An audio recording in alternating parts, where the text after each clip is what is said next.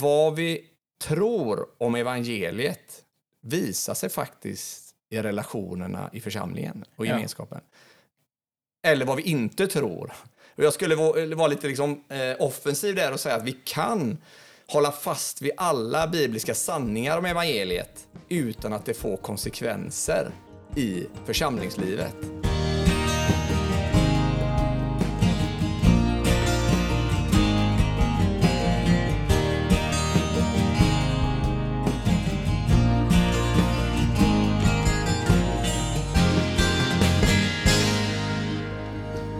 Ska ni känna er varmt välkomna tillbaka till Evangeliet förändrar allt, en podcast från Rotad.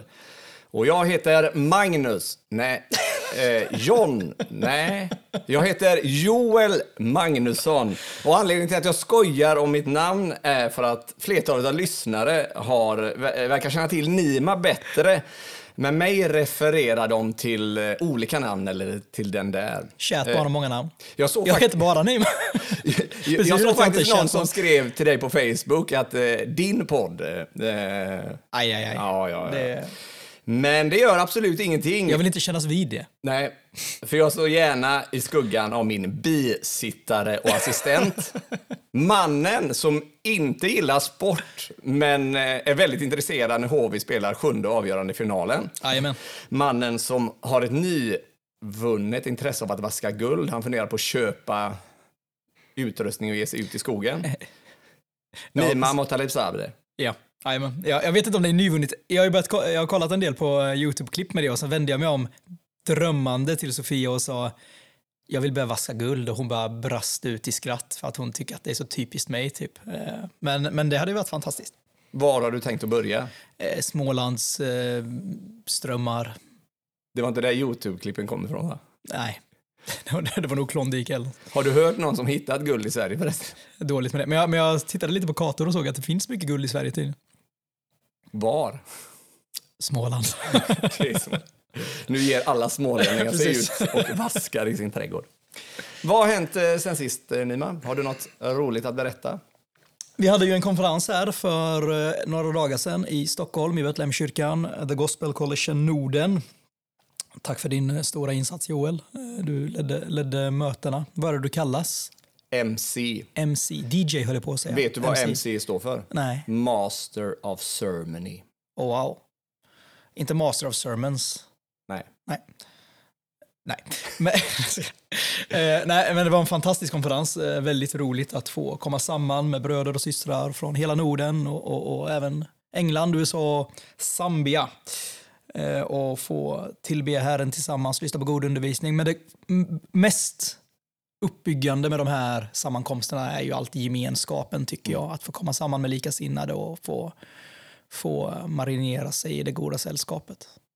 Det var verkligen min upplevelse efteråt. Alltså, vi behöver varandra. Mm. Vi behöver varandra. Vi behöver komma samman och som du säger tillbe och, och lyssna till Guds ord och uppmuntra varandra. Eh, be för varandra. Ja, så, så glädjande och så upplyftande att möta människor på den här konferensen. Så Verkligen. Vi hoppas på fler tillfällen i framtiden. Och det kan vi återkomma till, för det blir ju det säkert. Sen får vi se med vilken frekvens det blir. Mm. Eh, innan vi går in på dagens ämne så som så ofta har jag en personlig fråga och idag så är det Nima, vad har du eh, för intresse eller ett udda intresse eller oväntat intresse kanske? Jag får kanske nämna två, för jag, jag sa kort till dig här innan vi började spela in vad jag, vad jag funderade på att säga och du bara, jag trodde du skulle säga det här. Eh, Jag bestämmer vad du ska svara. Precis. Du, du formar frågorna utifrån vad du vill att jag ska säga. Ja, precis. Eh, det jag tänkte på när jag läste dagens fråga var ju, det är inte så udda egentligen, men det är så nyvunnet och har tagit mig och även min fru med storm. Guldvaskning. Guldvaskning, precis. Nej, svampplockning. Mm. Jag, jag har verkligen eh, upptäckt att jag tror i alla fall att jag har ett öga för att plocka kantareller. Så igår gick jag ut på en sväng också, eller gick jag ut, gick vi ut och hittade lite jag hittade bara två kantareller igår, men en drös med trattkantareller. Så det har, det har verkligen blivit eh, de senaste du, månaderna. då, då måste du eh, lägga ut texten om ditt öga för att hitta kantareller. Hur visar det sig? Eh, jag ber starka böner innan jag går ut. eh, Ja, ja, det, andra, det andra är ju, det, det är ju liksom eh, Kalle Anka, men inte vilken Kalle Anka som helst, utan Carl Barks och Don Rosa och, och en del gamla jänkar serietecknare som jag älskar att köpa och läsa. Och jag köper nog mer än jag läser nu för tiden. Men eh, ja, jag hade ju det i något intro någon gång. Ja, det hade jag du. älskar ju det som, eh, som Nima eh, anser vara... massproducerat elände Ja, precis. från Italien. Joel, vad har du för udda intresse som... eh, Jag var ju snabbare att tänka på vad, vad du skulle svara vad jag själv skulle svara. Men jag ska nog säga att jag, jag vet inte om det är ett intresse, men jag älskar kartor och eh, i- alltså geografi, länder. Eh, jag, jag kan många huvudstäder och flaggor och har ett väldigt intresse för det och tycker det är väldigt roligt. Brukar spela ett flaggspel med min pojk eh, och träna då det. Man får hålla uppe det. Men, men jag gillar det. Jag kan sitta på Google Maps och titta på kartor i långa Vad är stunder. huvudstaden i Zambia? Lusaka. Wow, Ja, men den var... gött. Okej, Det, Afrika är för övrigt ganska svårt. ja precis. Och jag älskar för övrigt en, en, en app där man kan, eller om det är en webbsida, där man kan dra ett land eh, från sin position och lägga det över för att få rätt proportioner på landet. För att kartor har ju inte rätt proportioner. Så man kan liksom dra Sverige och lägga det över Afrika till exempel. Då ser man hur extremt litet Sverige är. För det ser väldigt stort det? ut. Jag har fått höra att Italien är större än Sverige även om det inte syns på kartor. Stämmer det? Jag har faktiskt aldrig gjort det. Jag får testa det när jag... Men jag skulle tippa på det. Sverige ser ju i alla fall väldigt, eh, alldeles för stort ut. Det är samma Ja. som Grönland ser ju helt enormt ut. Men flyttar du det så inser du att det är inte så stort. Okej. Som det verkar i alla Jag tror att du får skicka länken till mig. Ja, jag får, kan lägga det i avsnittsbeskrivningen för de som är intresserade.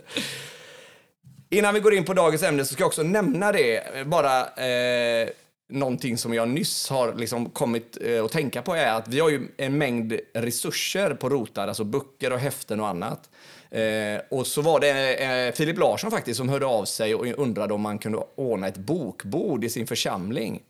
Eh, och det vill jag säga, vi, vi, vi vill uppmuntra till det. Vill du ha ett bokbord eh, på din, i din församling så hör av dig till mig på joel.magnusson.rotad.se för vi, vi skickar gärna ut böcker till dig som församling och det enda som du behöver betala i din församling är eh, fraktavgiften. Det tycker jag är hur bra Eh, som helst. och sen kan man betala direkt till Rotad så att det, böckerna finns där bara. Och, eh, så hör gärna av er om du är intresserad av det och vill bidra eh, med goda resurser till din församling. Så bra.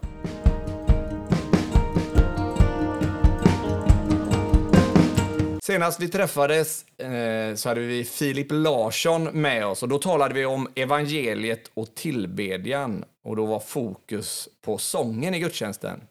Eh, men dessförinnan så hade vi det vi kallar för evangeliet skapa församlingen del 1 och idag ska vi ha del 2 men innan dess så ska vi ha en sån som man har i tidningen ibland, en berättelse från förra avsnittet Nima. Du ville nämna någonting som har dykt upp i din tanke från förra avsnittet. Ja, det är egentligen inte världens grej, men, men, jag, men jag, jag satt och lyssnade på vår senaste inspelning med Filip och så hörde jag mig själv säga någonting som jag tänkte att fast kära någon, jag, jag tänker inte så, jag står inte för det där. Så, så jag vill egentligen bara, jag sa vid ett tillfälle, jag vet inte om du kommer ihåg det Joel, men jag sa att när vi talade om lovsångsledare så sa jag att eh, det är predikantens uppgift att representera Herren inför församlingen så är det lovsångsledarens uppgift att representera församlingen inför Gud. Eh, vilket jag inte alls tänker. Jag vet inte varför jag sa så. Eh, jag tänker att lovsångsledaren är ett hjälpmedel som ska hjälpa församlingen att sjunga. Men det lät lite, när jag lyssnade på mig själv så lät det lite som att jag pratade om lovsångsledaren som om han eller hon är någon form av överstepräst i gammaltestamentlig bemärkelse som jag inte alls står för. Så, så jag vill bara kasta ut det. De flesta kanske inte ens snappar upp det, men, men, det tog lite på mitt eget samvete att jag, jag sa något jag inte står för. Så jag vill bara säga det. Mm, det är bra. Det är bra. Jag börjar fundera själv på vad jag har sagt i podden så, så jag behöver rätta. Ni kan höra av er om det så får vi se. En mängd saker. Eh, vi har helt enkelt talat om evangeliet församlingen. Vi talade förra gången om på nytt, alltså förra gången vi hade den delen. Eh, om på nytt för ett medlemskap, om församlingsdisciplin, Herrens måltid och församlingens ledarskap och hur de är en direkt följd av evangeliet. Och idag har vi då alltså kommit till del två. Och idag ska vi prata om hur evangeliet föder, förändrar och formar relationerna inom församlingen, mellan människor. Vi ska prata om kanske att jag my- myntar ett nytt ord om en evangeliekultur. Mm. Alltså hur församlingen bör prägla, präglas av en evangeliekultur. Evangeliet bör pläglas av en evangeliekultur. Pläglas, präglas. ja, ja, ja, ja. Jag får göra en rättelse redan nu om det. Ja. Jag tror att jag var inne på det i första delen, att en djupare gemenskap är både det alla människor längtar efter och samtidigt som alla människor också bävar lite inför och är rädda för och undviker. För att jag skulle säga det att ofrånkomligen så är det så att när vi människor kommer nära varandra så blir vår sy synd synlig. Och därför så är vi rädda och undviker en djupare gemenskap. Mm. för jag skulle säga att det är så att vi vill inte att andra ska få syn på vår synd. Eh, och vi är också rädda för att kommer de, mina bröder och systrar, älska mig om de får syn på min synd. Och det är därför jag skulle vilja liksom understryka med allt eftertryck att vi kan inte bygga djupare relationer utan evangeliet. Utan evangeliet som en fast grund. Den måste vara på plats. Inga gemenskapskvällar, inga församlingshelger, även om allt är bra och kan främja, liksom hjälpa gemenskapen, men det kommer aldrig skapa gemenskapen, utan den måste komma som en följd av evangeliet. Eh, som Johann, första Johannes 4 och 19 säger, vi älskar därför att Gud först älskat oss, eller han först älskat oss. Ja. Det är så vi kan bygga djupare gemenskap. Eh, så skulle jag i korthet beskriva vad en evangeliekultur är, alltså en, en, en gemenskap som är grundad på evangeliet och formar våra relationer. Har du något att tillägga där, eller någon ytterligare tanke? Nej, jag, jag tycker att du säger det bra. Det känns som att eh, förra gången, eller för förra gången, så målade vi upp linjerna som utgör ramen på församlingen, liksom evangeliska strukturer. Eh, och, och, och nu pratar vi om det som ska fylla själva rutan, innehållet, en evangelisk eh, kultur eller en evangeliekultur. Jag tänker att hjärtat eller själva kärnan i det som utgör det bibliska evangeliet är Guds nåd mot trasiga syndare. Och medan en evangeliekultur naturligtvis innehåller eh, mer än nåd så står nåden i centrum av en evangeliekultur. Att kärleken överskyler många synder och så vidare. Vi kommer ju tillbaka till det senare. Men, men, men jag uppfattar att det är klimatet, det är miljön som, som är eftersträvansvärd och som vi sträcker oss efter.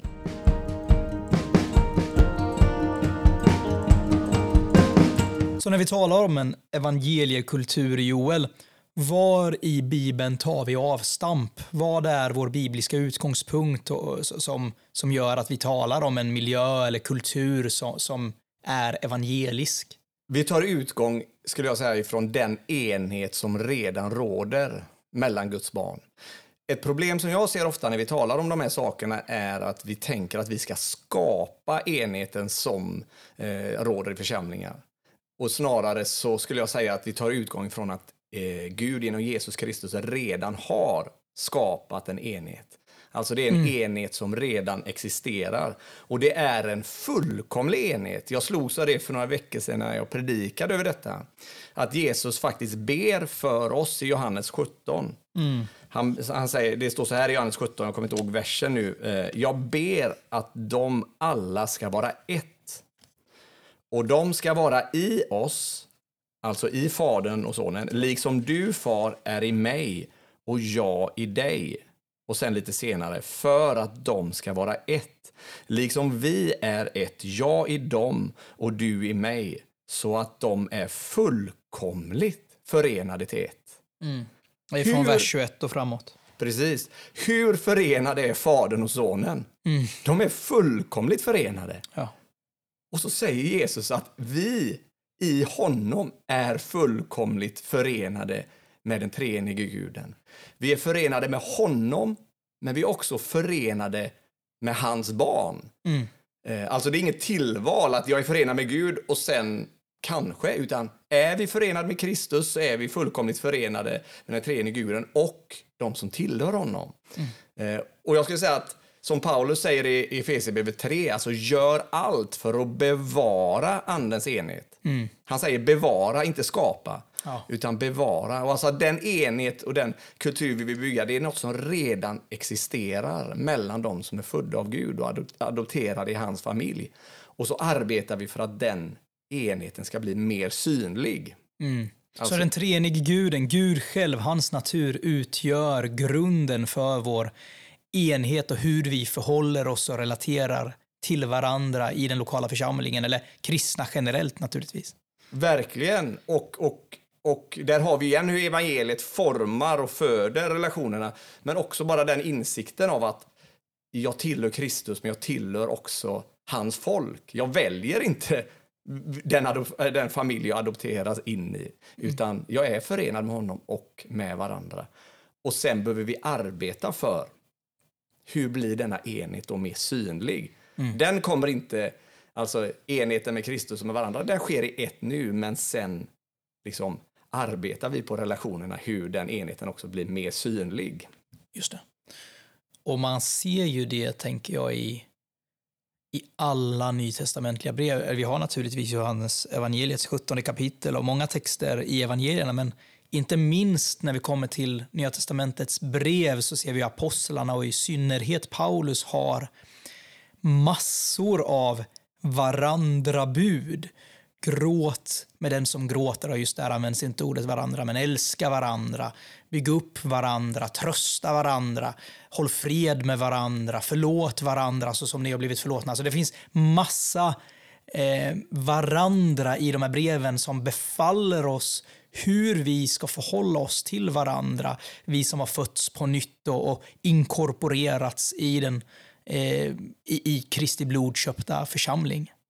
Och, och där är ju som vi också talade om, tror jag, förra och förra gången igen, det är ju döden för individualism. Ja, Alltså, Gud handlar med oss för att vi ska handla i kroppen tillsammans.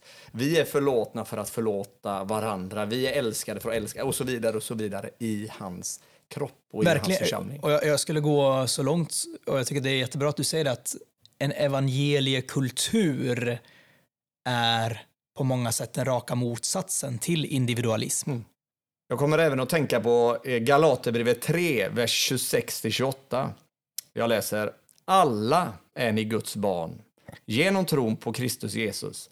Alla ni som blivit döpta till Kristus har iklätt er Kristus. Här är inte jude eller grek, slav eller fri, man och kvinna. Alla är ni ett i Kristus Jesus. Och där har vi just detta på nytt, den enhet som råder. Och, och, och vid den tiden, vi har ju inte så mycket hierarkiska strukturer i samhället. Vi är ju en, en, ett samhälle som inte använder ni, utan vi använder du. Men på den tiden så var ju det oerhört liksom, häpnadsväckande det Jesus säger. Inte bara uppdelningen mellan judar och greker, utan även i social status och annat. Ja. Hur, hur, hur, eh, hur Paulus säger, alltså genom tron på Jesus Kristus så är vi ett. Alltså de positioneringarna och uppdelningarna som vi gör mellan människor, de upphör i Kristus och vi är ett med honom och med varandra. Förenad med en, förenad med alla. Precis. Mm. Och jag tror, jag skulle säga också i detta att jag kanske var inne på det i något tidigare avsnitt, att vad vi tror om evangeliet visar sig faktiskt i relationerna i församlingen och Ja. gemenskapen. Eller vad vi inte tror. Och jag skulle vara vara lite liksom, eh, offensiv där och säga att vi kan hålla fast vid alla bibliska sanningar om evangeliet utan att det får konsekvenser i församlingslivet. Och då så skulle jag säga lite, eh, lite med utmaning att, att då är frågan om vi faktiskt tror på evangeliet. Vi kan säga med våra mun att oh, men jag vet att Kristus har försonat allt, all min synd i honom. Mm. Men om jag inte vågar visa min synd för dig, Nima, eller om jag tänker att jag måste försvara min synd, då blir ju frågan, tror jag verkligen att Kristus har försonat all min synd? Precis, det här går, och jag tänker att det, det, finns, det finns många aspekter av detta. Men det, det finns delaspekten du är inne på om hur man förhåller sig till sin egen synd i förhållande till andra. Huruvida man för ut det i ljuset eller, eller sitter och ruvar på det och liksom inte, inte vill på något sätt bekänna det inför församlingen. Men det finns också naturligtvis aspekten av att inte utsträcka förlåtelse till andra. Eh, har man då verkligen förstått den radikala förlåtelse man själv fått? Där framkommer ju i, i Jesu liknelse om den obarmhärtige tjänaren som själv får en hel enorm, en absurd summa förlåten och sen går och liksom lackar ur på sin medtjänare som är skyldig honom en eh, obetydlig summa. Eh, vilket naturligtvis väcker kungens vrede därför att det är tydligt att den här förlåtelsen han har fått betyder ingenting. Den har inte förvandlat honom. Han, är, han har ett hårt hjärta. Eh, och, och, och, jag, och, jag, tänker att när vi förstår, och detta går ju tillbaka Joel till det vi talade om eh, med pånyttfött medlemskap som inte bara är en kylig metallisk doktrin någonstans utan det handlar om att församlingen består av de som är andligt levande, de, de, som, de som har med allsmäktig Gud att göra. Eh, de som är andliga.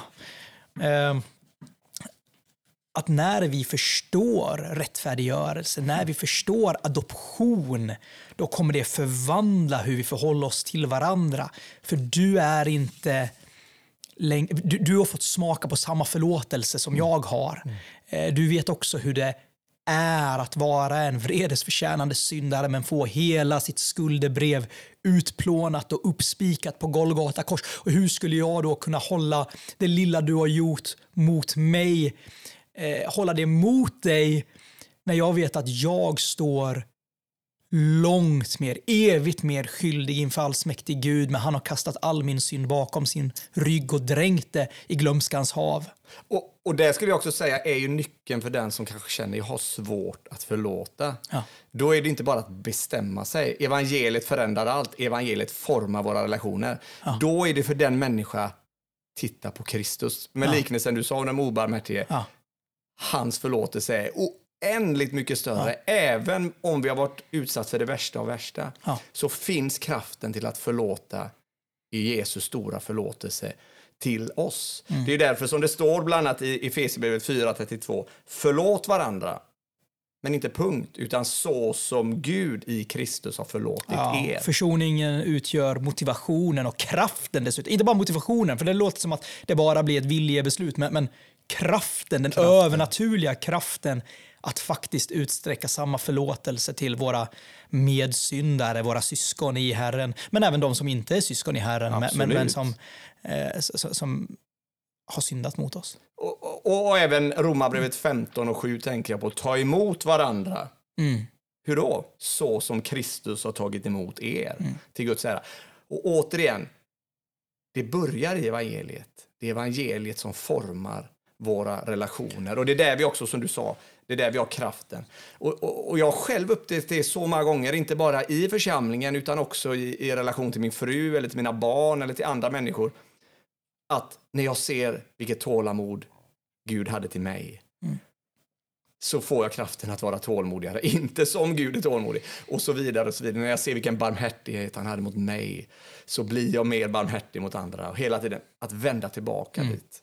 Vi blir kanaler. Och jag tänker att det är det Paulus är inne på i början av andra Korinthierbrevet, att samma tröst som de har tagit emot utsträcker de till församlingen och så vidare. Att vi, vi blir kanaler genom vilka Guds eh, olika nådesuttryck flödar vidare. Mm. Eh, och, och, församlingen, som i Efesierbrevet 4 talar om, bygger upp sig själv på det sättet. Jag tänker att det också är så eh, många av Nya Testamentets brev är strukturerade. Vi har en första del som består av mycket eh, må många indikativ, många läror. Det, och, och, och, det är så här, det här får vi den liksom, råa teologin. Och det leder vidare till etiken, det leder vidare till imperativen. Så här ska ni leva, så här ska ni förhålla er till varandra. Det som är liksom mellan oss som individer i församlingen bygger alltid på vad Gud har gjort för oss i Kristus. Mm.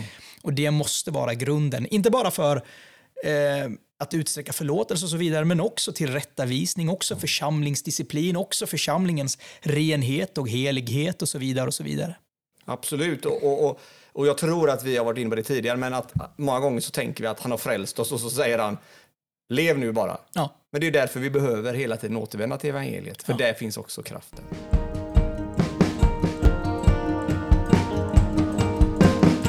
Bibeln har ju många fantastiska bilder av församlingen som berättar viktiga delar i hur Gud ser på sin församling och vad han vill med församlingen. Eh, och Nima, vad, vilka liksom bilder kommer först upp när du tänker på församlingen och hur Bibeln talar om församlingen? Det kan vara så att jag, jag missar någonting väldigt viktigt här, men, men jag tänker att det finns fem bilder som är mest återkommande i Nya Testamentet. Eh, den första jag tänker på är församlingen, kyrkan som Guds tempel. Det återkommer ju att vi är Guds tempel, inte bara som individer utan som kollektiv, som gemenskap. Ehm, och jag tänker att det som ska känneteckna församlingen utifrån att vi är Guds tempel först och främst handlar om Guds närvaro. Mm. Jag skulle säga att den direkta implikationen av detta faktiskt är pånyttfött medlemskap, inte massa extraordinära manifestationer, även om det är fantastiskt när andens liv och rörelse är bland oss. Men just att anden är närvarande när vi möts som församling. Eh, det, det är en andlig atmosfär, hör mig rätt när jag säger det, inte så som, jag på säga, inte så som många andra menar, men, jag får nog säga så, inte så som många andra menar det, hur vi brukar mena när vi talar om andlighet, utan Guds heliga andes närvaro, för vi är Guds tempel. Gud bor inte längre bara bland oss, han bor i oss. Det är löftet i det nya förbundet. Gud har tagit boning i oss och vi är hans tempel. Och där, där är det så viktigt att vi, tänker jag, ständigt när vi läser Bibeln, att vi stannar upp och liksom ja. förundras över det och, och framförallt ha bakgrunden till det. Tänk, att, tänk för en jude som hörde det, som hade med den höga synen på Jerusalems tempel. Ja. Och så säger Paulus att ni som individer tillsammans, ni är ett tempel för den levande guden. Ja. Alltså, åk inte till Jerusalem, be inte. Besök den lokala församlingen. Ja, precis. Det kommer en tid då ni ska tillbe Fadern i ande och sanning, säger Jesus. Det spelar ingen roll var, rent geografiskt, geografi, var vi är, utan där vi är, där är Gud, för vi är Guds tempel. Det är något otroligt stort. Ja, det är verkligen.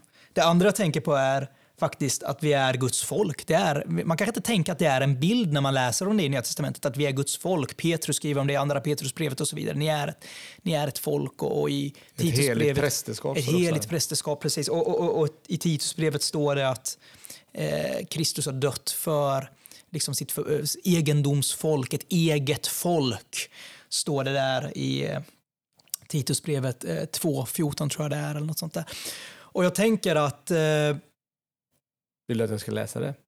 Har du den där? Han har offrat sig för oss för att friköpa oss från all laglöshet och rena åt sig ett eget folk. Ett eget folk. Som är uppfyllt av iver att göra goda gärningar. Ja.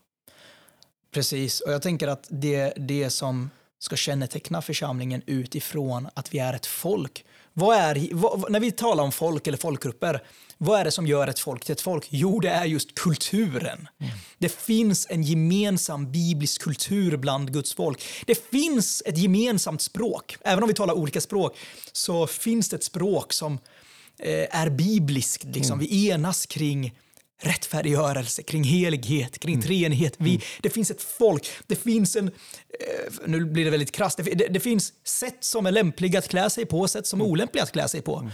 Eh, sätt som är lämpliga att tala på, sätt som är olämpliga att tala på. Mm. Det finns en gemensam kultur bland Guds folk. Det finns en viss attityd gentemot pengar. Vi skojade i början här liksom om guld och grejer. Det finns attityder som är gemensamma och det kommer tillbaka till att vi är ett folk. Och det tror jag många har liksom erfarit om man har rest i andra länder. Precis. Den här osynliga enheten som, som finns liksom mellan Guds folk på olika platser. Som, som överskrider alla språkbarriärer, Precis. alla kulturella, alltså mänskliga kulturella skillnader. Vi är förenade med varandra i något betydligt viktigare och större än alla landsgränser Exakt. kan liksom dela upp. Och, och, och jag brukar, på, jag brukar när vi, vi, vi har ju en, en församling som vi har kontakt med i Spanien och ibland mm. så sjunger vi O store Gud och så sjunger de på spanska och vi på svenska och då brukar jag alltid tänka så hur underbart det är och samtidigt så är det en dissonans. Ja. Det stämmer liksom inte, det är inte full harmoni, men så tänker jag alltid det är en, det är en försmak av himlen då ja. vi kommer sjunga på samma språk ja. inför tronen. Persiska. Persiska, ja. Den, den tredje bilden jag tänker på är, och jag, jag håller helt och hållet med dig, jag kan relatera till det du säger när man möter syskon från andra länder och andra folkgrupper och så vidare. Det är vackert.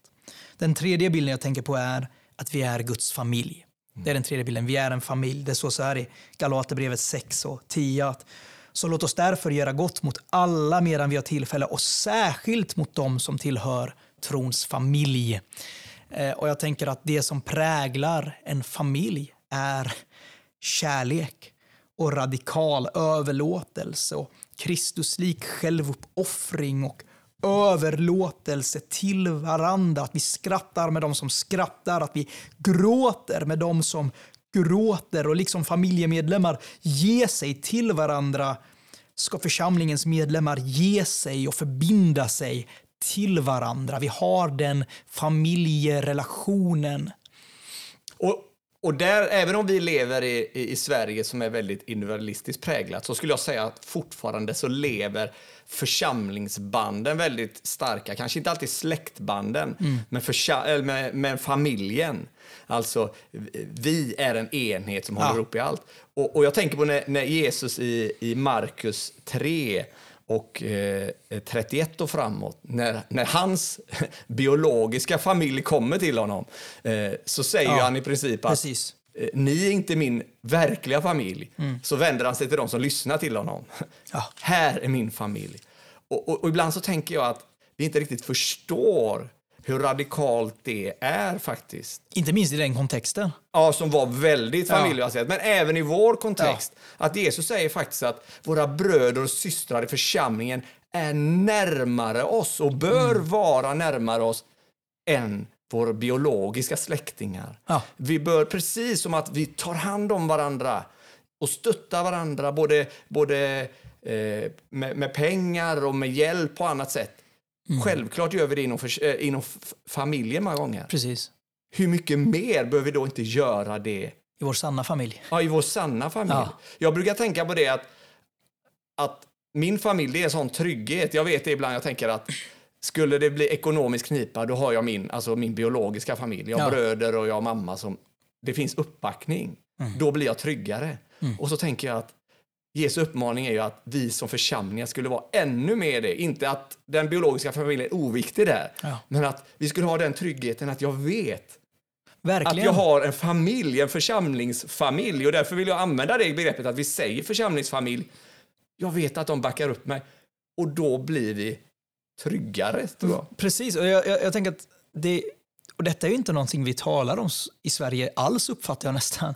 Men Paulus skriver att församlingsänkorna ska försörjas för. Mm. På, på, på, och, och, och, samtidigt säger han att den som inte försörjer sin biologiska familj är värre än en hedning. Alltså det är brutalt. Så det finns en tydlig koppling här. Församlingen är vår familj. Vi ska ta hand om varandra. Vilket också har implikationer för att vem som helst kan inte bli medlem utan det går tillbaka till är du ett Guds barn? Mm. Och då kan du vara medlem i församlingen. Liksom. Mm. Och det är det också, och jag bara får spinna vidare på den, det är ju då också det blir en helt annan bild av liksom, eh, eh, när, när, min familj samlas kring middagsbordet ja.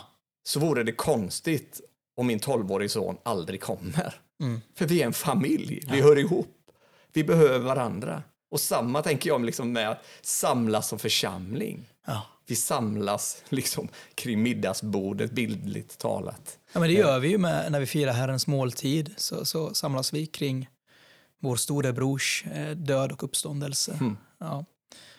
Eh, för det fjärde är församlingen Kristi kropp. Det kanske är den vanligaste bilden, den som vi, vi hör oftast. Första Korinthierbrevet 12 eh, är ju väldigt eh, en väldigt kär text i svensk kristenhet uppfattar jag. Kroppsillustrationen är återkommande. Det står i första Korinthierbrevet 12.27 att ni är alltså Kristi kropp och var för sig delar av den. Jag tänker att, att församlingen är Kristi kropp betyder att den ska kännetecknas av enhet. Jag tror att enhet är det som är centralt här. Eh, en kroppsdel är aldrig isolerad från resten av kroppen och de olika lemmarna måste all, alltid liksom därför igenkänna behovet av varandra och ha samma inriktning för att kroppen ska fungera väl. Eh, splittring vanställer kroppen och måste därför motverkas. Och det häftigaste, jag tänker på en eh, illustration som jag tycker var väldigt talande när eh, en av mina medelste, Jonny, predikade för eh, några månader sedan om kroppen. Han sa liksom, vi, vi föreställ dig ett öga som ligger löst på marken eller en arm som ligger på marken. Det, det är ju helt bizarr liksom, grej. Men varför tänker vi inte likadant mm. om isolerade kristna? Mm. Och, och, och jag, jag, förstår att illustrationen inte kan dras hur långt som helst, men det, men det finns någonting att komma åt här. Vi behöver ändå fråga oss varför har Gud valt att kommunicera sin sanning genom den här illustrationen? Jo, därför att isolerade lemmar, det är onaturligt. Mm. Det, det är inte meningen att det ska vara så. Och, det, och där är ju, du kanske kommer till det, men i, den, i första Korinthierbrevet 12 så vänder sig Paulus mot två problem. Det ena problemet är människor som säger jag behöver inte församlingen. Ja. Och det andra problemet är människor som säger församlingen behöver inte mig. Exakt. Och så säger han att det är precis raka motsatsen. Ja. Du behöver visst församlingen och församlingen behöver dig. Alltså det är ett ömsesidigt beroende. Eh, och där tänker jag, jag, jag är mm. övertygad om att Gud därför har gjort oss olika med både svagheter och styrkor för att vi ska vara och bli beroende av varandra. Ja. Många gånger så, så hamnar vi fel där. Vi ser våra egna svagheter bara som ett problem. För då behöver vi dölja dem. Och då tänker jag att Gud snarare han har gett dig svagheten, eller gett mig, mm. för att du ska bli beroende av någon annan i församlingen. Ja. Som kan liksom kompensera, både ja. rent andligt men också fysiskt, för att jag ska ta hjälp av någon annan. Och det ja. tänker jag kan både handla om rent praktiska saker. Mm. Jag kan inte renovera ett hus om jag behöver det. Du kan det, jag kan inte det. Nej, men om, om man känner så, då tänker vi, åh, då, då måste jag dölja och jag är usel för att jag kan det. Och så tänker jag att Gud har gjort dig svag på det området ja. för att du ska säga till din broder i församlingen, kan du hjälpa mig? Ja. Eh, eh, kan du hjälpa mig att tänka hur jag ska göra? Eller om vi tar, då talar vi rent praktiskt och det kan vi ta i andra områden, men också rent kunskapsmässigt. Så tänker vi om någon har bättre bibelkunskap än mig till exempel, så ser vi det som ett hot och så måste jag dölja min okunskap. Mm. Eller att, att eh, åh, det är ett problem. Mm. Och då mm. tänker jag, Nej, vi borde se det som en välsignelse. Gud har välsignat, om vi då tar det fallet Nima, med mer kunskap än mig, då kan han ge mig och berika mig. Och, och, och här ser vi liksom att svagheterna och styrkorna är snarare skapade för att göra oss mer beroende och att vi bör se dem som en välsignelse. Men tvärtom så mm. tänker jag allt för ofta att det blir ett problem. Ja. Eh, och det skulle jag säga är för att vi har, i alla fall mig själv kan jag bara erkänna, jag har svårt att be om hjälp. Ja. Jag vill helst kunna alla grejerna själv och, och försöker själv till det yttersta istället för att ödmjuka mig. Ja. Säga jag kan inte det här, vill du hjälpa mig? Jag tänka på någonting Jonny sa, han hade sett på någon amerikansk, jag vet inte om det var på Twitter eller vad det var, någon som hade skrivit att det är hemskt för alla i kyrkan som vet hur man ska typ designa hemsidor och hålla på med sånt där, därför att, därför att folk är på dem hela tiden. liksom. Så det, det, är kunskap du inte vill ha om du tillhör en församling. Jag brukar säga, det var, det var faktiskt någon här i Fiskebäck som sa det, har du inga vänner, skaffa en släpkärra. Ja, för då får du många som... Det gäller precis. även typ om du har grävskop eller bilmekaniker, precis. då ringer många och undrar. Men, men, men, men faktiskt, mm. alltså, sen kan ju det utnyttjas, men att, att där tänker jag Gud har berikat församlingen, sin familj med olika, sin kropp med olika funktioner ja. på alla områden för mm. att vi ska ta hjälp av varandra och bli beroende och leva i ett ömsesidigt beroende. Ja, ja verkligen. Uh, jag, jag, jag, jag, tänker på en, eh, en sista bild som jag är frekvent återkommande i Nya Testamentet, inte minst i Uppenbarelseboken. Och det är ju församlingen som Kristi brud. Vi kan väl läsa andra Korintierbrevet 11.2, det är en fantastisk vers. Eh, Paulus skriver så här. Jag har trolovat er med en enda man, Kristus, och vill föra fram en ren jungfru till honom. Mm. Det är vackert. Eh, jag tänker att, att församlingen är Kristi brud betyder att den ska kännetecknas av renhet och oskuld.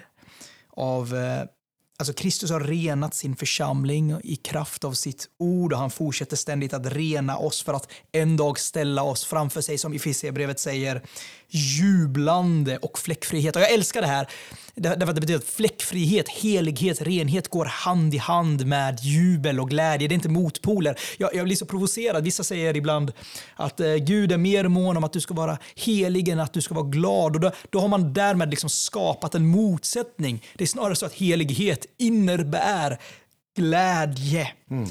Eh, och jag tänker att vad det här betyder för församlingen, att vi är Kristi brud. Det betyder att vi måste utifrån Jesu föreskrifter ta itu med orenhet. Eh, oavsett om det innebär läromässig orenhet eller moralisk orenhet så, så har församlingen en obligation utifrån vad evangeliet är och vem Kristus är, vår brudgum, vår helige brudgum, att ta itu med det på ett sätt som, som återspeglar evangeliets både nåd och sanning. Mm. Och, och återigen, alltså får vi stanna upp hur, hur, Kristus beskriver sin församling ja. som en brud. Ja. Alltså det säger ju hur, hur, hur, hög syn han har på församlingen, hur älskad församlingen är. Det är hans älskade brud, mitt i all sin krånglighet, mitt i att de inte är fullkomliga. Och det var som någon sa tror jag. Att, att församlingen är Kristi brud. Den är vacker, ofattbar vacker, inte för att den är det i sig själv, utan för att Kristus gör den vacker. Han klär den i sin rättfärdighet och ja. förvandlar den till sin likhet fram till den dagen han återvänder. Ja. Så hög syn har Gud på församlingen. Ja. Det är hans älskade brud. Ni män, älskar era hustrur så som Kristus har älskat församlingen och offrat sig för den. Han gjorde det för att helga den sedan han renat den med vattnets bad i kraft av ordet och föra fram församlingen inför sig i härlighet utan fläck eller skrynkla eller annat sådant. Helig och fläckfri skulle den vara. Mm. Det är ju eh, så vackert, Joel. Och han gav sitt liv, säger ju Paulus i Efesierbrevet. Sa du att det var Efesierbrevet du läste? nej, det sa jag inte. Efesierbrevet 5 och... Eh, 25 och framåt. Ja. Han, gav, han, han gav sitt liv, ja. sitt eget liv. Och, och det går tillbaka oss. till Titusbrevet 2 som vi talade om innan, att Kristus har lagt ner sitt liv. Han har offrat sig för att rena den, för att friköpa från all mm. laglöshet och rena åt sig ett eget folk, ett egendomsfolk. Det är eh, Ja, men så, som allt vi har talat om egentligen, alla de här bilderna går ju tillbaka till helt ofattbara verkligheter. Gud ger oss helig ande. Gud tvättar oss i sitt eget blod.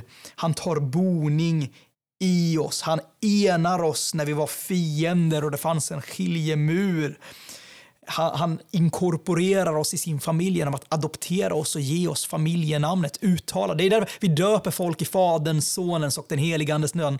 Vi, vi uttalar den treenige Gudens namn över människor och säger Välkommen in i familjen. Och vi får ett överflödande arv. Ja. Alltså, inget familjearv liknar ens i närheten ja. hur många miljoner ja. vi än skulle ärva här på jorden så har vi ett arv som inte, inte ens döden behöver vi frukta, för den Nej. har besegrat. Och döden är det som ger oss det eviga arvet. Precis, jag tänker att insikten om detta är nyckeln till en evangeliekultur. Alltså ett evighetsperspektiv, mm. ett perspektiv på vad vi har tilldelats i Jesus Kristus.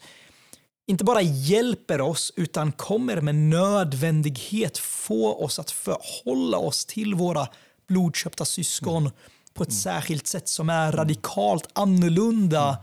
gentemot hur kollegor ute i världen eller till och med familjemedlemmar i världen förhåller sig till varandra. Mm.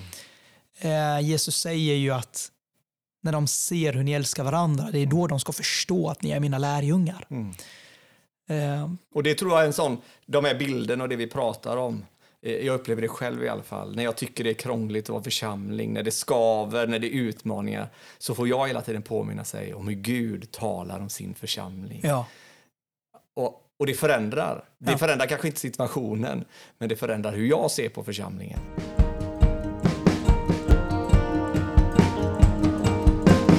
Nu tänkte jag att vi skulle gå in lite mer på hur detta ser ut i praktiken, då, hur en evangeliekultur i församlingen ser ut eh, rent praktiskt. Vi har ju redan berört en del saker, men jag tänker att vi ska beröra lite mer nu. Och naturligtvis är detta inget uttömmande. Det finns ju massor av liksom tillämpningar man skulle kunna göra av det vi har talat om eh, när det gäller församlingen. En, en grund som jag tänker i detta är ju Johannes 13.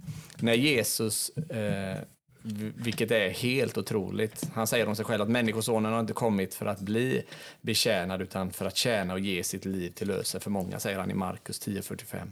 Och när Jesus då, alltså den högste i Johannes 13, böjer sig ner och gör det som var en slav göra. Han böjer sig ner och tjänar sina lärjungar. Och jag har ofta tänkt på det att han även böjer sig ner och tvättar Judas fötter. Mm. Eh, och så säger han i 13 och 14, när han har gjort detta, så säger han om nu jag, er herre och mästare, alltså den högste, har gjort detta, om jag har tvättat era fötter, så är ni också skyldiga, säger han. Ni är skyldiga att tvätta varandras fötter. Alltså att tjäna varandra. Och då har vi detta igen. Det börjar hos han har tjänat oss och vi tjänar varandra. Och det jag tänker är... Kan du liksom... läsa nästa vers också, vers 15? Ja, läs du den som du har framför mig. Jag har gett er ett exempel för att ni ska göra som jag har gjort mot er. Jag säger er sanningen, tjänaren är inte större än sin herre och budbäraren är inte större än den som har sänt honom. När ni nu vet detta, saliga är ni, om ni också gör det. Och där slog mig bara för ett tag sedan. Han säger faktiskt att saliga är ni när ni gör det. Glada, välsignade. Liksom den största glädjen i ja. livet. Vad ja. är det? Det är att betjäna andra. Ja. Det går tvärt emot vår syndiga natur och hela vår kultur. Det är att tjäna dig själv, förverkliga dig själv. Och säger Jesus, vill du upptäcka den stora glädjen? Ja. Då är det att böja sig ner och tjäna andra. Och det ligger ju helt i linje med när Paulus faktiskt citerar Jesus, eh, även om vi inte vet exakt var, vad det är han citerar, i Apostlagärningarna 20 i sitt tal till äldstekåren i församlingen i Efesos, där han säger att som Herren själv har sagt, det är saligare att ge än att få. Mm. Detta någonstans, vi kommer verkligen till hjärtat tror jag här av vad en evangelisk kultur är. Mm. Att leva självutgivande. Inte självutplånande, men självutgivande. Och, och där har vi liksom hur detta ser ut i praktiken. Mm. Det kan se ut på en massa sätt. Ja. Men det är att inte söka sitt eget bästa, ja. utan de andras bästa. Ja. För att det har Kristus gjort med oss. Och här tror jag ligger en utmaning, den utmaning som Petrus ställs inför. Han vill inte bli betjänad av Jesus. Mm. Och här tror jag, jag brukar fråga människor när, vi, när jag talar med, om Johannes 13 med olika, om det är bibelstudium, mm. Vad skulle ni ha lättast för? Att böja er ner och tjäna eller att bli betjänad? Att få mm. dina, tvätt, äh, dina tvätter, dina fötter tvättade eller att tvätta fötter. Mm. Mm. För det är dubbelt där. Alltså, jag tror de flesta svarar faktiskt, och jag själv är sån. Jag skulle ha svårare att bli betjänad. Ja. För jag har lättare att göra. Och där har vi början. Det är det Jesus säger till Petrus. Det måste börja hos att jag betjänar dig. Ja. Och där är också, men det är också ett motstånd mellan oss människor. Att vi måste låta oss betjänas. Eh, för att bygga en sån här kultur handlar det inte bara om att jag ska böja mig och, och tjäna dig. Utan också att låta dig betjäna mig. För det kan vara väldigt motbjudande. För det gör oss beroende av varandra. Precis, men jag tänker också att, att ta emot tjänande eller betjäning eller välsignelse, vad det nu är. Det är någonting jag får träna mig på, att ta emot välsignelse när andra vill välsigna mig. Något som verkligen hjälper i det är ju att påminna sig om Herrens löfte till dem som kommer att välsigna eller betjäna eller ge. Saliga är ni. Jag vill inte beröva den personen salighet. Jag vill inte beröva den personen välsignelsen det är att få vara till välsignelse för en annan person. Mm. Eh, och det är det jag gör om jag militant säger nej till att ta emot. Mm. Jag säger också nej till Jesus därför att Jesus betjänar oss genom våra syskon, genom mm. sina tjänare. Mm. Och, och, och där blir ju det en sån, ett sånt mindset, i såna, eller mindset, nu sa jag på engelska, det gillar du också, men, men vad ska vi säga, ett, en, Jag har retat eh, Joel mycket under de senaste dagarna under TGC-konferensen. Vi delade ju rum där att, eh, att, att han kastade in engelska ord, men jag är inte bättre själv. Och jag, och jag ogillar det egentligen. Men vad har vi för ord för mindset då? Ett tänkande, sinnelag. ett sinnelag. Är Attityd. Att, ja. Vad behöver mina bröder och systrar? Ja. Utifrån vad Kristus har gett mig, vad behöver de och hur kan jag välsigna dem? Ja. Både liksom fysiskt och andligt och på olika sätt. Och det kan ju se som sagt var ut på många olika sätt. Men, men, men jag tänker en sak är ju det alltså att om jag har fått mer eh, så kan jag också få dela det, alltså kunskap i Guds ord. Hur kan jag välsigna andra med det? Hur kan jag ja. se någon yngre i församlingen, börja läsa Bibeln tillsammans med den eh, regelbundet, ja. för att, eller, eller med flera.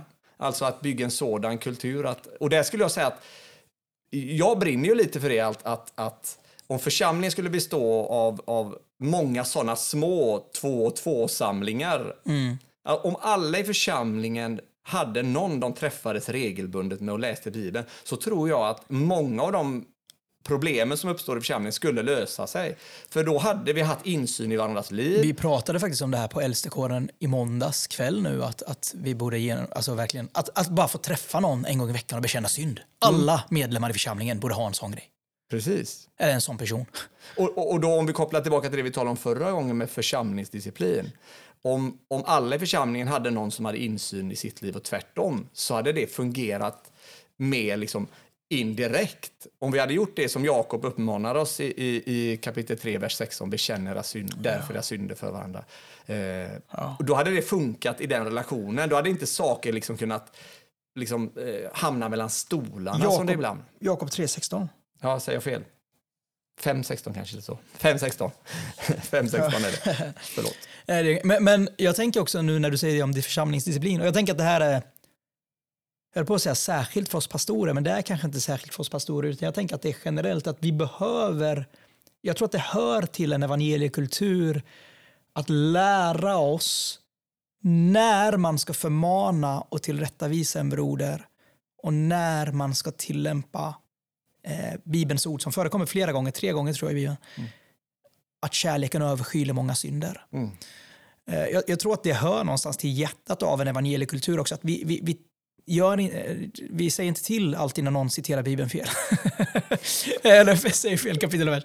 Nej, men, nej, alltså att vi, vi, vi lär oss någonstans när evangeliet kräver att vi konfronterar synd i broderlig kärlek, i syskonkärlek, ömsesidig kärlek, och när vi väljer att låta Herren ha hand om detta, det här är en process, jag behöver inte vara fram och peta på allting. För jag tror särskilt kanske om man är väldigt medveten, alltså man har en stor kärlek till Guds ord och så vidare.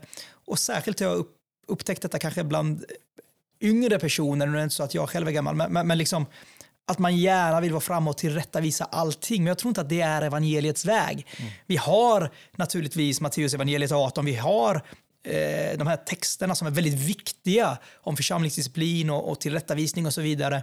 Men vi har också de här texterna om att ibland är det bättre att bara inte säga någonting mm. och låta evangeliet verka eh, långsiktigt och kanske be för personen mm. och så vidare. Och en annan sak är också det som det är att uppmuntra varandra. Ja. Hebreerbrevet 3 och 13 säger uppmuntra varandra istället varje dag så länge det heter idag. Alltså, vi behöver uppmuntra varandra. Ja. Och ibland så tänker jag också att, att vi lever lite som om som det finns. Eh, det var en man som sa till sin hustru. Jag sa att jag älskade dig på bröllopsdagen och förändras det så säger jag det är ungefär så. Ja, alltså och det, det, är ju sån, ibland lever vi lite i det, men vi behöver säga det till varandra, uppmuntra varandra direkt. Ja. Liksom, eh, både med bibelord men också med när vi ser när någon är nere eller när någon har det svårt att eh, som, som Galaterbrevet 6 och 1 säger, bär varandras bördor. Ja. Alltså inte bara, för vi kan, vi kan ju se på varandra om det inte är bra. Mm. Eh, och att erbjuda hjälp. Eh, ja. och, och, att fråga hur det är och erbjuda att be för, erbjuda sig att konkret hjälpa. Och det skulle jag säga att, att kanske inte heller...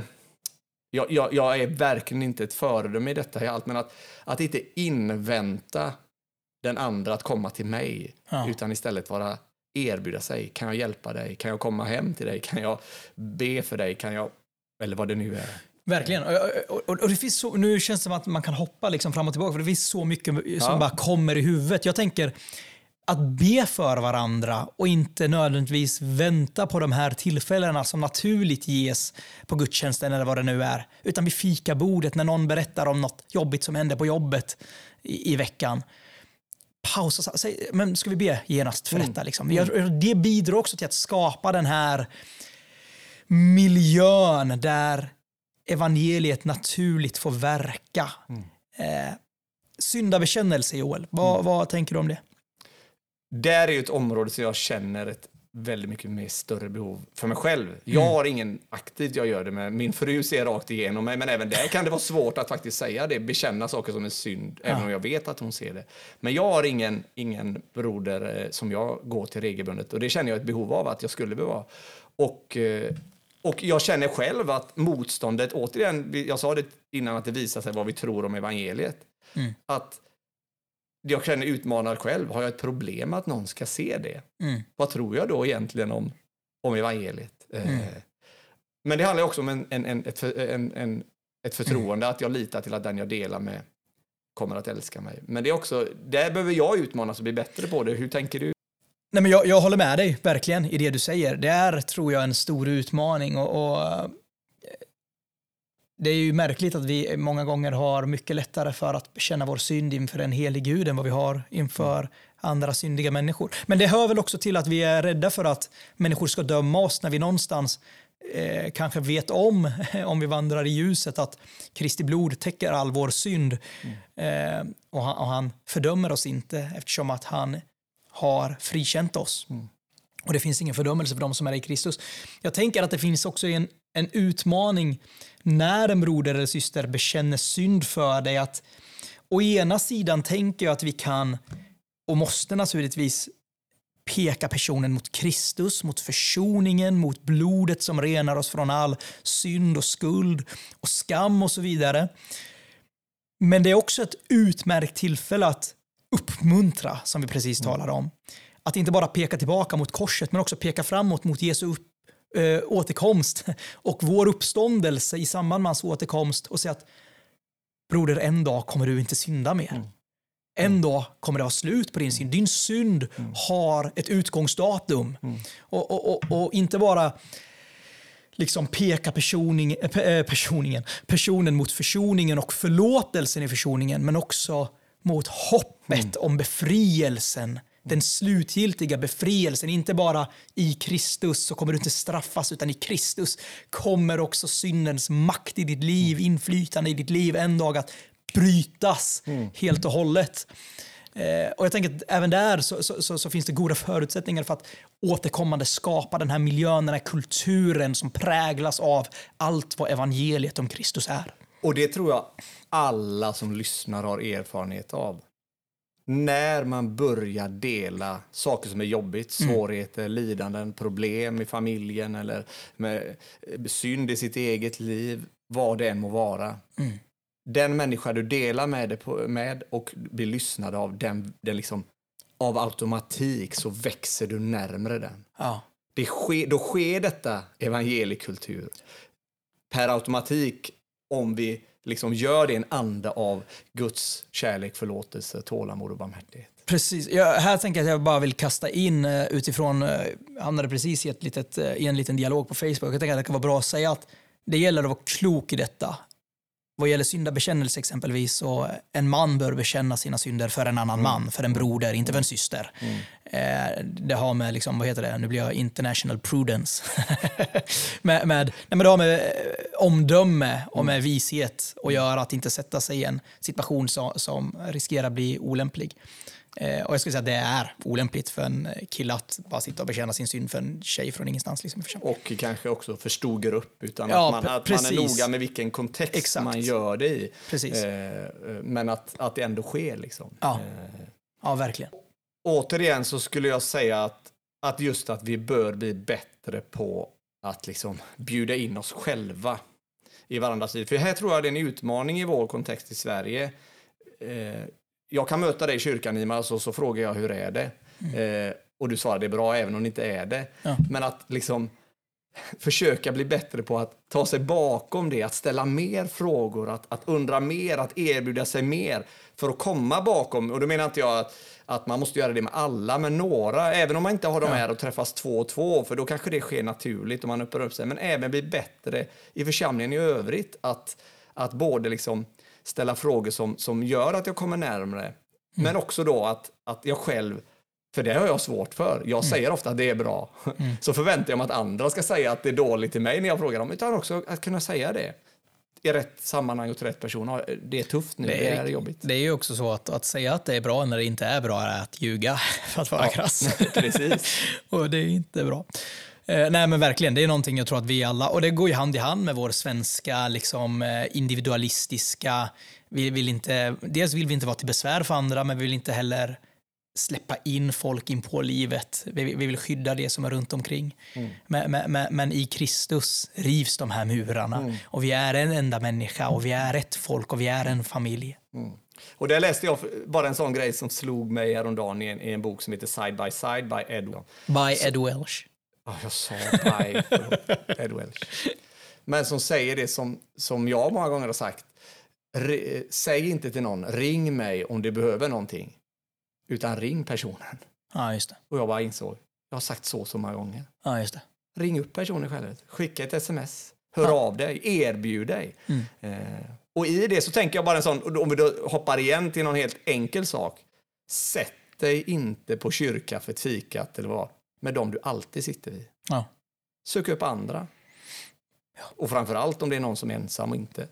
Eh, Ja, verkligen. Och jag, vi, vi har liksom alla förutsättningar att vara till uppmuntran för varandra idag med den teknik som finns också. Och då menar jag, naturligtvis är det bättre och eftersträvansvärt att vi hela tiden ska ses. Men jag tänker, börjar du tänka på en person klockan 19 på kvällen och du inte kan ta dig dit, liksom, ja, men du kan ta upp telefonen och skicka ett uppmuntrande sms. Bara- Du kan, det räcker att skriva “Jag tänker på dig broder”. Mm. Eh, det är en stor upp... Alltså sån sms har fått betyda mycket för mig. En, en, kort, en kort uppmuntran eh, kan göra väldigt mycket. och det skulle jag säga att, i alla fall min egen erfarenhet när jag gått igenom tuffare perioder och sorg, Ja, så hellre att folk hör av sig för mycket än att de tänker, jag vet att han tänker, att, eh, jag vet att Joel vet att vi tänker på dig. Hellre att de då bara gör det. Mm. Vi är lite rädda för att ja, men det kan bli fel. Liksom. Ja, precis. Men, men, och ibland om vi skulle säga att ta någon som är i sorg så skulle jag säga så här. eh, Vi är rädda på att personen skulle bli ledsen när vi frågar dem. Ja, men personen är redan ledsen. Liksom, Ja. vad, vad är vi? Det är inget problem. Sen så skulle jag säga att de flesta undrar vad ska jag säga då? Men, men tänk inte så mycket på det. Säga. Lyssna. Ja, Var vid den sida. ja. Du behöver inte säga så mycket alla här gånger om vi tar någon som är i väldigt sorg. Vi Liksom. kanske har sagt det tidigare, men Jobs vänner var ju faktiskt fantastiska eh, under de första dygnen när de bara satt tysta med Jobb och led med honom. Det är först när de öppnar munnen som allting går käpprätt åt skogen. Precis. Precis. Och där skulle jag säga att vi ibland så gör vi det som att liksom, det människor behöver är liksom professionella själavårdare. Och det Ja. tror jag man kan behöva och vi kan öva oss i det. Men jag tror många gånger att skulle vi ha öppna relationer, öppna En samtal, broder, en någon syster. som lyssnar, som vill liksom sätta sig in, för ofta är det det problemet, vi orkar inte sätta oss in i den andra personens problem, svårigheter, utmaningar, synd eller vad det är. Men om vi skulle ha det, Mm. då tror jag att då skulle mycket lösa sig själv.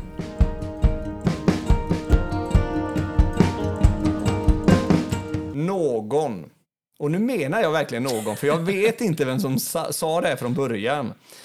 Men någon har sagt ungefär så här. Tror du att du är en perfekt människa? Bli tillsammans med någon. Tror du fortfarande att du är det? Gift dig.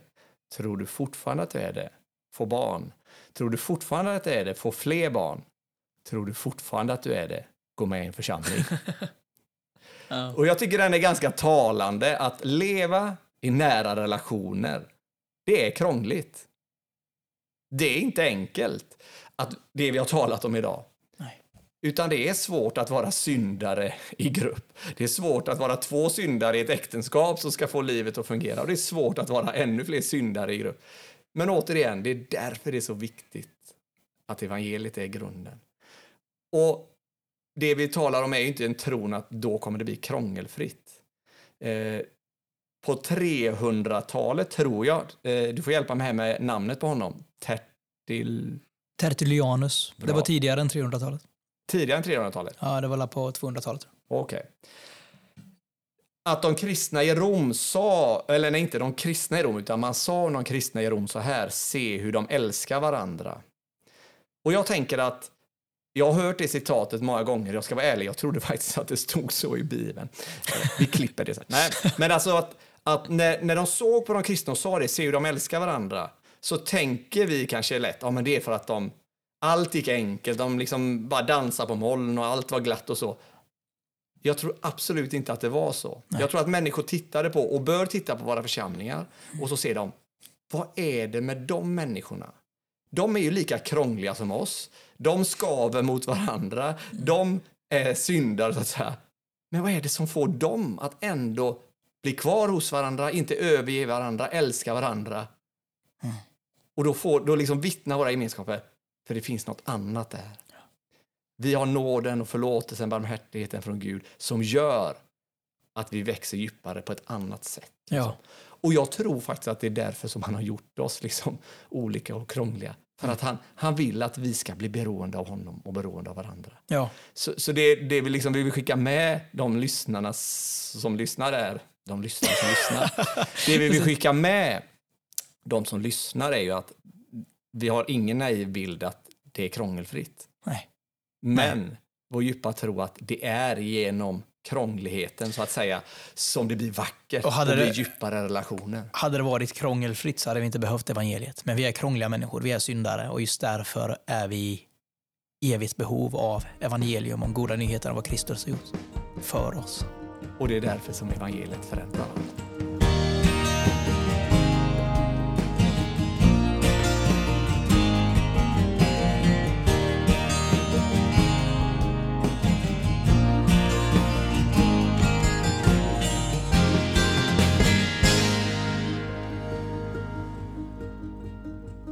Jag, jag tänker som du. Mm. Bra tänker som du. Du kan väl klippa att jag sa jag tänker ja. som du. Ja. Jag klipper att du klipper att du sa att ja, jag tack. klipper att. Tack. Uh.